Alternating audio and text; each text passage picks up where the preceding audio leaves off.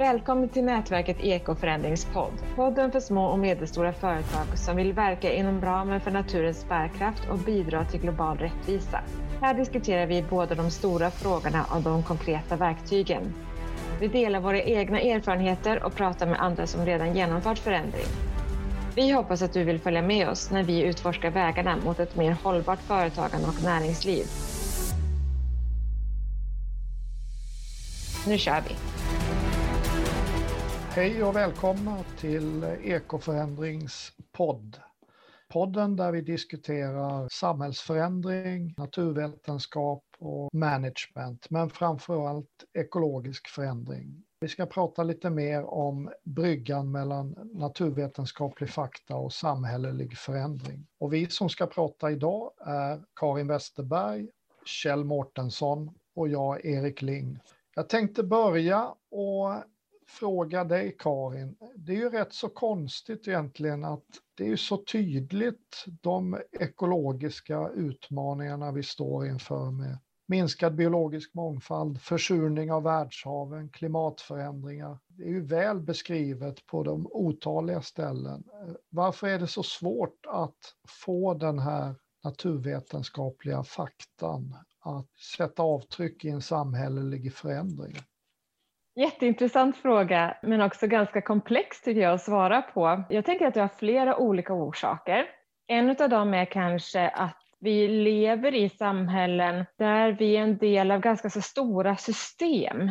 Och de här systemen gör att vi också står ganska långt ifrån naturen som försörjningsbas, även om vi alla har det, även om vi alla är helt beroende av naturen eh, och de förändringar som sker i naturen, så är det ett väldigt gap mellan oss och de, de natursystemen och de förändringarna för att vi har alla de här stora tekniska systemen som står emellan oss. Så jag tänker att det kan bli ganska svårt i vardagen att förstå hur, hur jag liksom kopplar an, hur mina olika aktiviteter, beslut faktiskt kopplar direkt an till natursystemen. Även om man hör då att, att det pågår klimatförändringar, att vi, att vi utrotar eh, djur och växter i en väldigt hög takt och så, så tror jag att det kan vara ganska svårt att se, okej, okay, nu har jag köpt en diskmaskin på vilket sätt liksom påverkar det eh, den biologiska mångfalden och klimatet. Och sen är det väl så också precis att vi, vi lever i en ganska urbaniserad miljö och då blir det också svårt att direkt se när det sker klimatförändringar. Medan om man kanske lever eh, som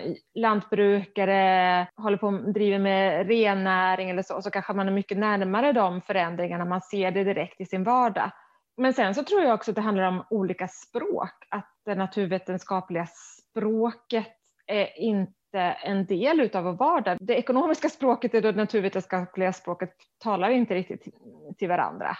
Det finns ju ändå försök på pedagogiska modeller kring eh, hållbarhetsutmaningarna. Jag tänker bland annat på den brukar väl kallas planetary boundaries som man skulle kunna möjligen använda för att det blir ganska tydligt gränserna och vad som behövs göras. Skulle det kunna vara något som skulle kunna vara användbart? Vad tror du Kjell? Ja, absolut. Och, och då tror jag också det här, det krävs ju en språk. För, för de är också väldigt diffusa i en handlingsvärld. Både i, för oss privatkonsumenter och för företag. Inte, inte så utan att de är väldigt tydliga, alltså det, de visar ju väldigt tydligt att vi har gått över gränsen ganska ordentligt vad det gäller till exempel klimatet och, och biodiversiteten och så vidare. Utan däremot när det ska översättas till handling. För jag tror att, att man kan föra över det till ett företagsekonomiskt språkbruk. Både du Kjell och Karin ni pratar om förändrat språk. Det känns ju mer som kanske bara små förbättringar av systemet sminka upp det lite grann. Men det finns ju en rörelse kan man säga som, som menar att hela marknadsekonomin och det kapitalistiska systemet i, i grund och botten inte klarar av att hantera de här nya utmaningarna. Det är liksom inte kosmetiska förändringar som gäller utan vi behöver få in ett helt nytt system. Vad säger du om det Karin? Jag tänker vi behöver ett ekonomiskt system och jag tror ibland att det finns en uppfattning om att man tidigare inte har haft ekonomiska system utan att då har saker och ting skötts på någon annan väg eh, för att vi ska kunna upprätthålla samhällen. Att samhällen har varit väldigt enkla och därför har man inte behövt. Så har inte världen någon, någon gång sett ut. Det har alltid funnits ekonomiska system. Det har alltid funnits system för hur vi ska kunna utbyta olika former av resurser med varandra och tjänster med varandra i alla kulturer. Frågan är ju då vad i det marknadsekonomiska systemet är som inte fungerar och då kanske det som särskilt inte fungerar är att vi helt enkelt inte betalar för det som saker och ting kostar. Att vi har skapat ett ekonomiskt system som inte räknar med alla de kostnader som våra varor och, och tjänster faktiskt har i relation till natursystemen. Vi har skilt hur vi förstår ekonomisk framgång och tillväxt från vad som händer i de natursystem som vi är beroende av för att skapa den här ekonomiska framgången och tillväxten. Så att jag tänker att mycket av den marknadsekonomiska ekonomin kan man säkert ha kvar, men vi måste ha ett sätt att beräkna och i sådana fall faktiskt också betala och lägga ansvaret på att betala på rätt ställe för de resurser vi de facto brukar och den förstöring som den resursanvändningen har på natursystemen. Där kanske jag tycker att det, det ekonomiska systemet är svagast i relation till de här utmaningarna. De som eh, kritisera det här systemet. Jag inbillar mig att de håller med om att marknadsekonomin har haft exempellösa framgångar fram till nu, men att vi möter problem som inte räcker räcker med att man sätter en avgift på svavel till exempel. För det är, nu är det precis som du var inne på tidigare, det är så diffusa problem som inte enkelt fångas i ekonomiska termer. Den här eh, idén om att man ska betala externaliteterna, den är ju inte ny. Det känns att den kan hantera vissa miljöproblem, men de här mer diffusa och stora och internationella, globala, skulle de säga då, där, där fungerar inte det här systemet längre. Eh, vad säger du Kjell? Jo, eh, men jag tror att det handlar om att synliggöra. Den ekonomiska biten måste kunna hantera andra språk, alltså andra beskrivningsspråk. För en sak som jag tänkte på, det är det att vi, vi är så otroligt fast i det här med traditionell ekonomisk tillväxt. Alltså jag har en känsla av det på företagssidan, att man väldigt lätt prata om kostnader. Om man nu skulle istället förflytta fokus och se istället hur ska vi utveckla istället och mer fokusera på intäktssidan för att det här sättet att resonera med kostnader, det gör man ju inte annars när jag menar hela IT-sektorn och, och liksom de framgångarna som har varit på olika områden, då har man ju inte sett det första man har, har fokuserat är kostnader. Utan då har man ju haft ett annat utvecklingsperspektiv. Det var en sak som jag tänkte på väldigt starkt, det här med att vi är så fast i den här ekonomiska tillväxten. Det är inte bara den här kapitalistiska eller den här marknadsekonomin, utan den har ju också blivit mer och mer kortsiktig. Den har ju fått sådana avarter och det är klart att det, det kommer ju ha betydelse för de ekonomiska aktiviteterna. Om man varje kvartal ska stå till svars eller om man ser en väldigt långsiktig satsning. Det är väl de här avarterna då som har blivit avgörande skulle kritikerna säga. Jag tänkte fråga er en, en fråga kopplad till det här med eh, ständig tillväxt. När det gäller BNP i Sverige så har ju den ökat med 90 procent sedan mm. 1990 fram till idag, alltså fördubblats. Men samtidigt har vi väldigt svårt att lägga resurser på de här sakerna som, som vi vet måste ske eh, för att få en omställning. Det är ju ganska häpnadsväckande egentligen. Vi har alltså fördubblad BNP att använda mm. för, för den här utvecklingen. Samtidigt ser vi att ganska lite händer. Och då kan man fråga sig vad, vad är det som egentligen griper oss. Och då funderade jag på ett, på ett begrepp som jag kom på alldeles själv. Som, eh, är det någon typ av kollektiv girighet som gör att vi triggar varandra till, till det här? Eller vad är det för drivkrafter som, som gör att vi fortsätter att hela tiden öka våra ekonomiska ramar men lägger relativt lite på den här ekologiska omställningen som jag tror vi alla är överens om krävs. Vad säger du Karin? Jag vet inte om jag skulle kalla det för en kollektiv girighet. Jag tänker att det har någonting med vad vi ser på som ett framgångsrikt liv, vad vi ser på som en, ett framgångsrikt företagande. Vad är det för några värden som genomsyrar liksom alla institutioner i samhället som uppfattas som goda värden eller värden att, att försöka uppnå? Om våra belöningssystem går ut på materiell belöning och våra tankar om vad som är framgång går ut på ekonomisk framgång eller materiell standard, då blir det ju svårt för oss alla att liksom bryta mot den normen och hitta andra sätt att leva och utveckla våra företag och hitta andra ideal. Jag vet inte liksom om det är en medveten kollektiv girighet så mycket som att vi har, har lyckats skapa ett samhälle som premierar väldigt mycket vår materiella framgång och vår ekonomiska framgång, att vi mäter framgång på så många olika plan med de måttstockarna. Så att det blir svårt att se att andra saker har ett värde. Jag vet inte Kjell, vad säger du?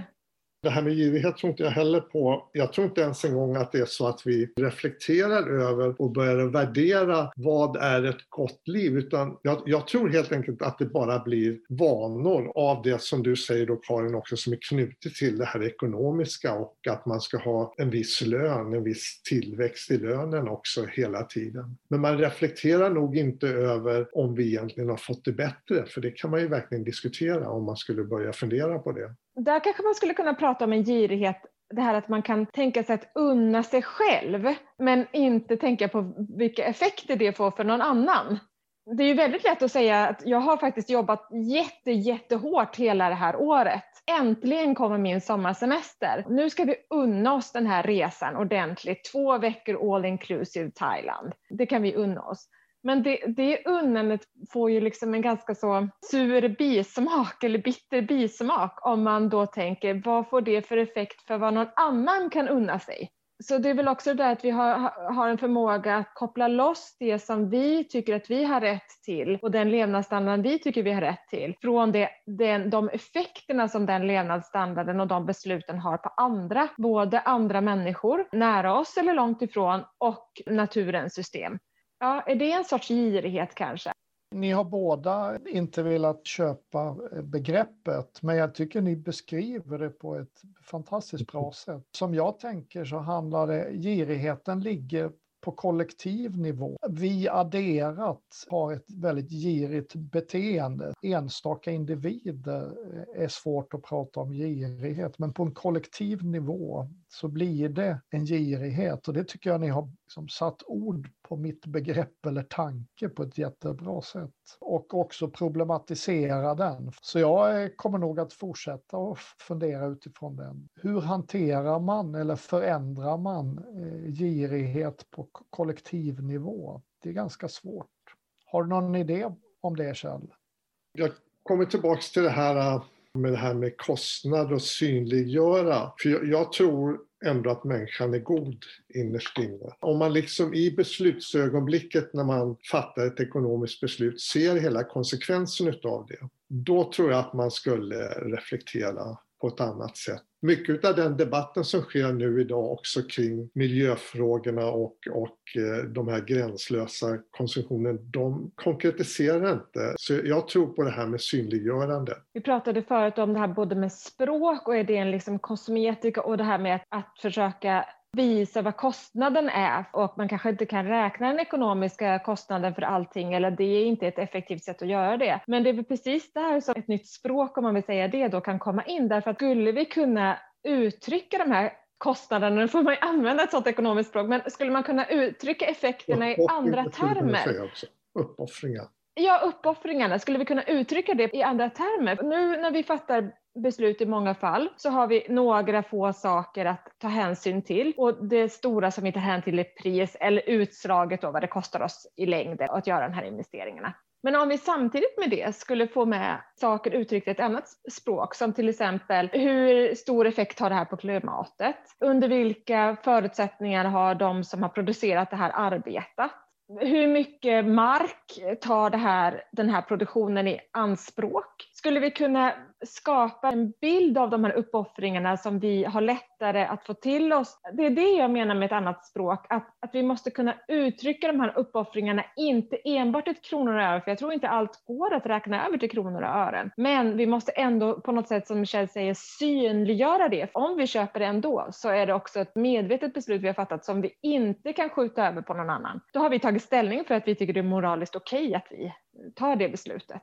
På samma sätt så måste det gå för ett företag att kunna ta in mer i sina eh, kostnadsberäkningar, mer information i kostnadsberäkningar än pris över tid. Mm. Mm. Sören Bergström har ju utvecklat Eh, räkenskapsanalytiska begrepp, företagsekonomiska hållbarhetsbegrepp. Man kan ju förenkla det bara med nyckeltal, att man har indikatorer på företagsnivå då. Det viktiga är, som väl han lyfter fram, det är att det måste lyftas in i den andra ekonomiska redovisningen, inte att det står som en paragraf i bokslutet, utan det måste räknas in bland de räkenskapsanalytiska verktygen, de andra verktygen som redan finns. Mm. Intressant och det spiller egentligen över till den sista frågeställningen. Jag läste en intressant artikel nyligen av Paul Romer i Foreign Affairs där han pratar om det stora problemet är att de ekonomiska verktygen har fått för stort utrymme i vårt beslutsfattande. Det är ju jättebra att allokera resurser, men det är ju värdelöst att använda ekonomiska verktyg för värderingsfrågor. Han lyfter ju bland annat fram det här när man inom eh, trafikplanering börjar sätta mm. pris på liv och hur fel det så att säga driver utvecklingen. Och det kan man ju också tänka sig kring de här ekologiska frågorna. Är det kanske fel väg att försöka prissätta biologisk mångfald och försurning och klimatförändringar. Vi kanske ska ha det som absoluta restriktioner istället. Det här med att, prissätta saker, då är man ju inne och värderar saker. Det området ska man ju enligt Paul då i den här artikeln lämna till politiska beslut, för det är värderingsfrågor, det är inte ekonomiska frågor. Vad säger ni om det? Vad säger du Kjell? Jo, alltså jag tror absolut, och det Karin var inne på, då måste man ha språk som passar det. Men det intressanta här är väl att vi rör oss med lite olika saker. De här naturvetenskapliga modellerna som vi började i, de sätter ju egentligen upp absoluta gränser. Vi tänker att vi ändå sätter upp den där yttre ramen som naturvetenskapliga forskningen hjälper oss med genom de här gränsvärdena. Då finns det ju en spel plan innanför dem. Sen är det liksom en politisk fråga hur de här sakerna ska fördelas och sen måste vi ha ytterligare nivå där vi måste ha de här verktygen och där de ekonomiska verktygen är en form av verktygslåda som kanske i sig måste ändras men vi behöver också andra verktygslådor. Jag håller med dig. Jag tycker att eh, din diskussion om de tre nivåerna är väl en eh, fin avslutning. Vi har en absolut naturvetenskaplig nivå och sen har vi en politisk värderingsnivå och sen har vi ett verktyg att så att säga fördela resurserna på ett effektivt sätt och prioritera i resurser. Där är marknadsekonomin ofta bra på det. Ja, då får vi tacka för idag och hoppas att vi får se nästa gång i nästa podd. Hej då! Hej då! Hej då! Tack för att du var med oss idag. Vi hoppas att vårt samtal har gett dig något nytt att tänka på eller något nytt att pröva. Du hittar en sammanfattning av avsnittet och en lista över referenser på vår hemsida www.ekoförandring.se. Där hittar du också poddens tidigare avsnitt och mer från oss i nätverket Ekoförändring. Vi publicerar ett nytt avsnitt av podden sista fredagen varje månad. Varmt välkommen då! Och till dess, låt oss gå ut och förändra.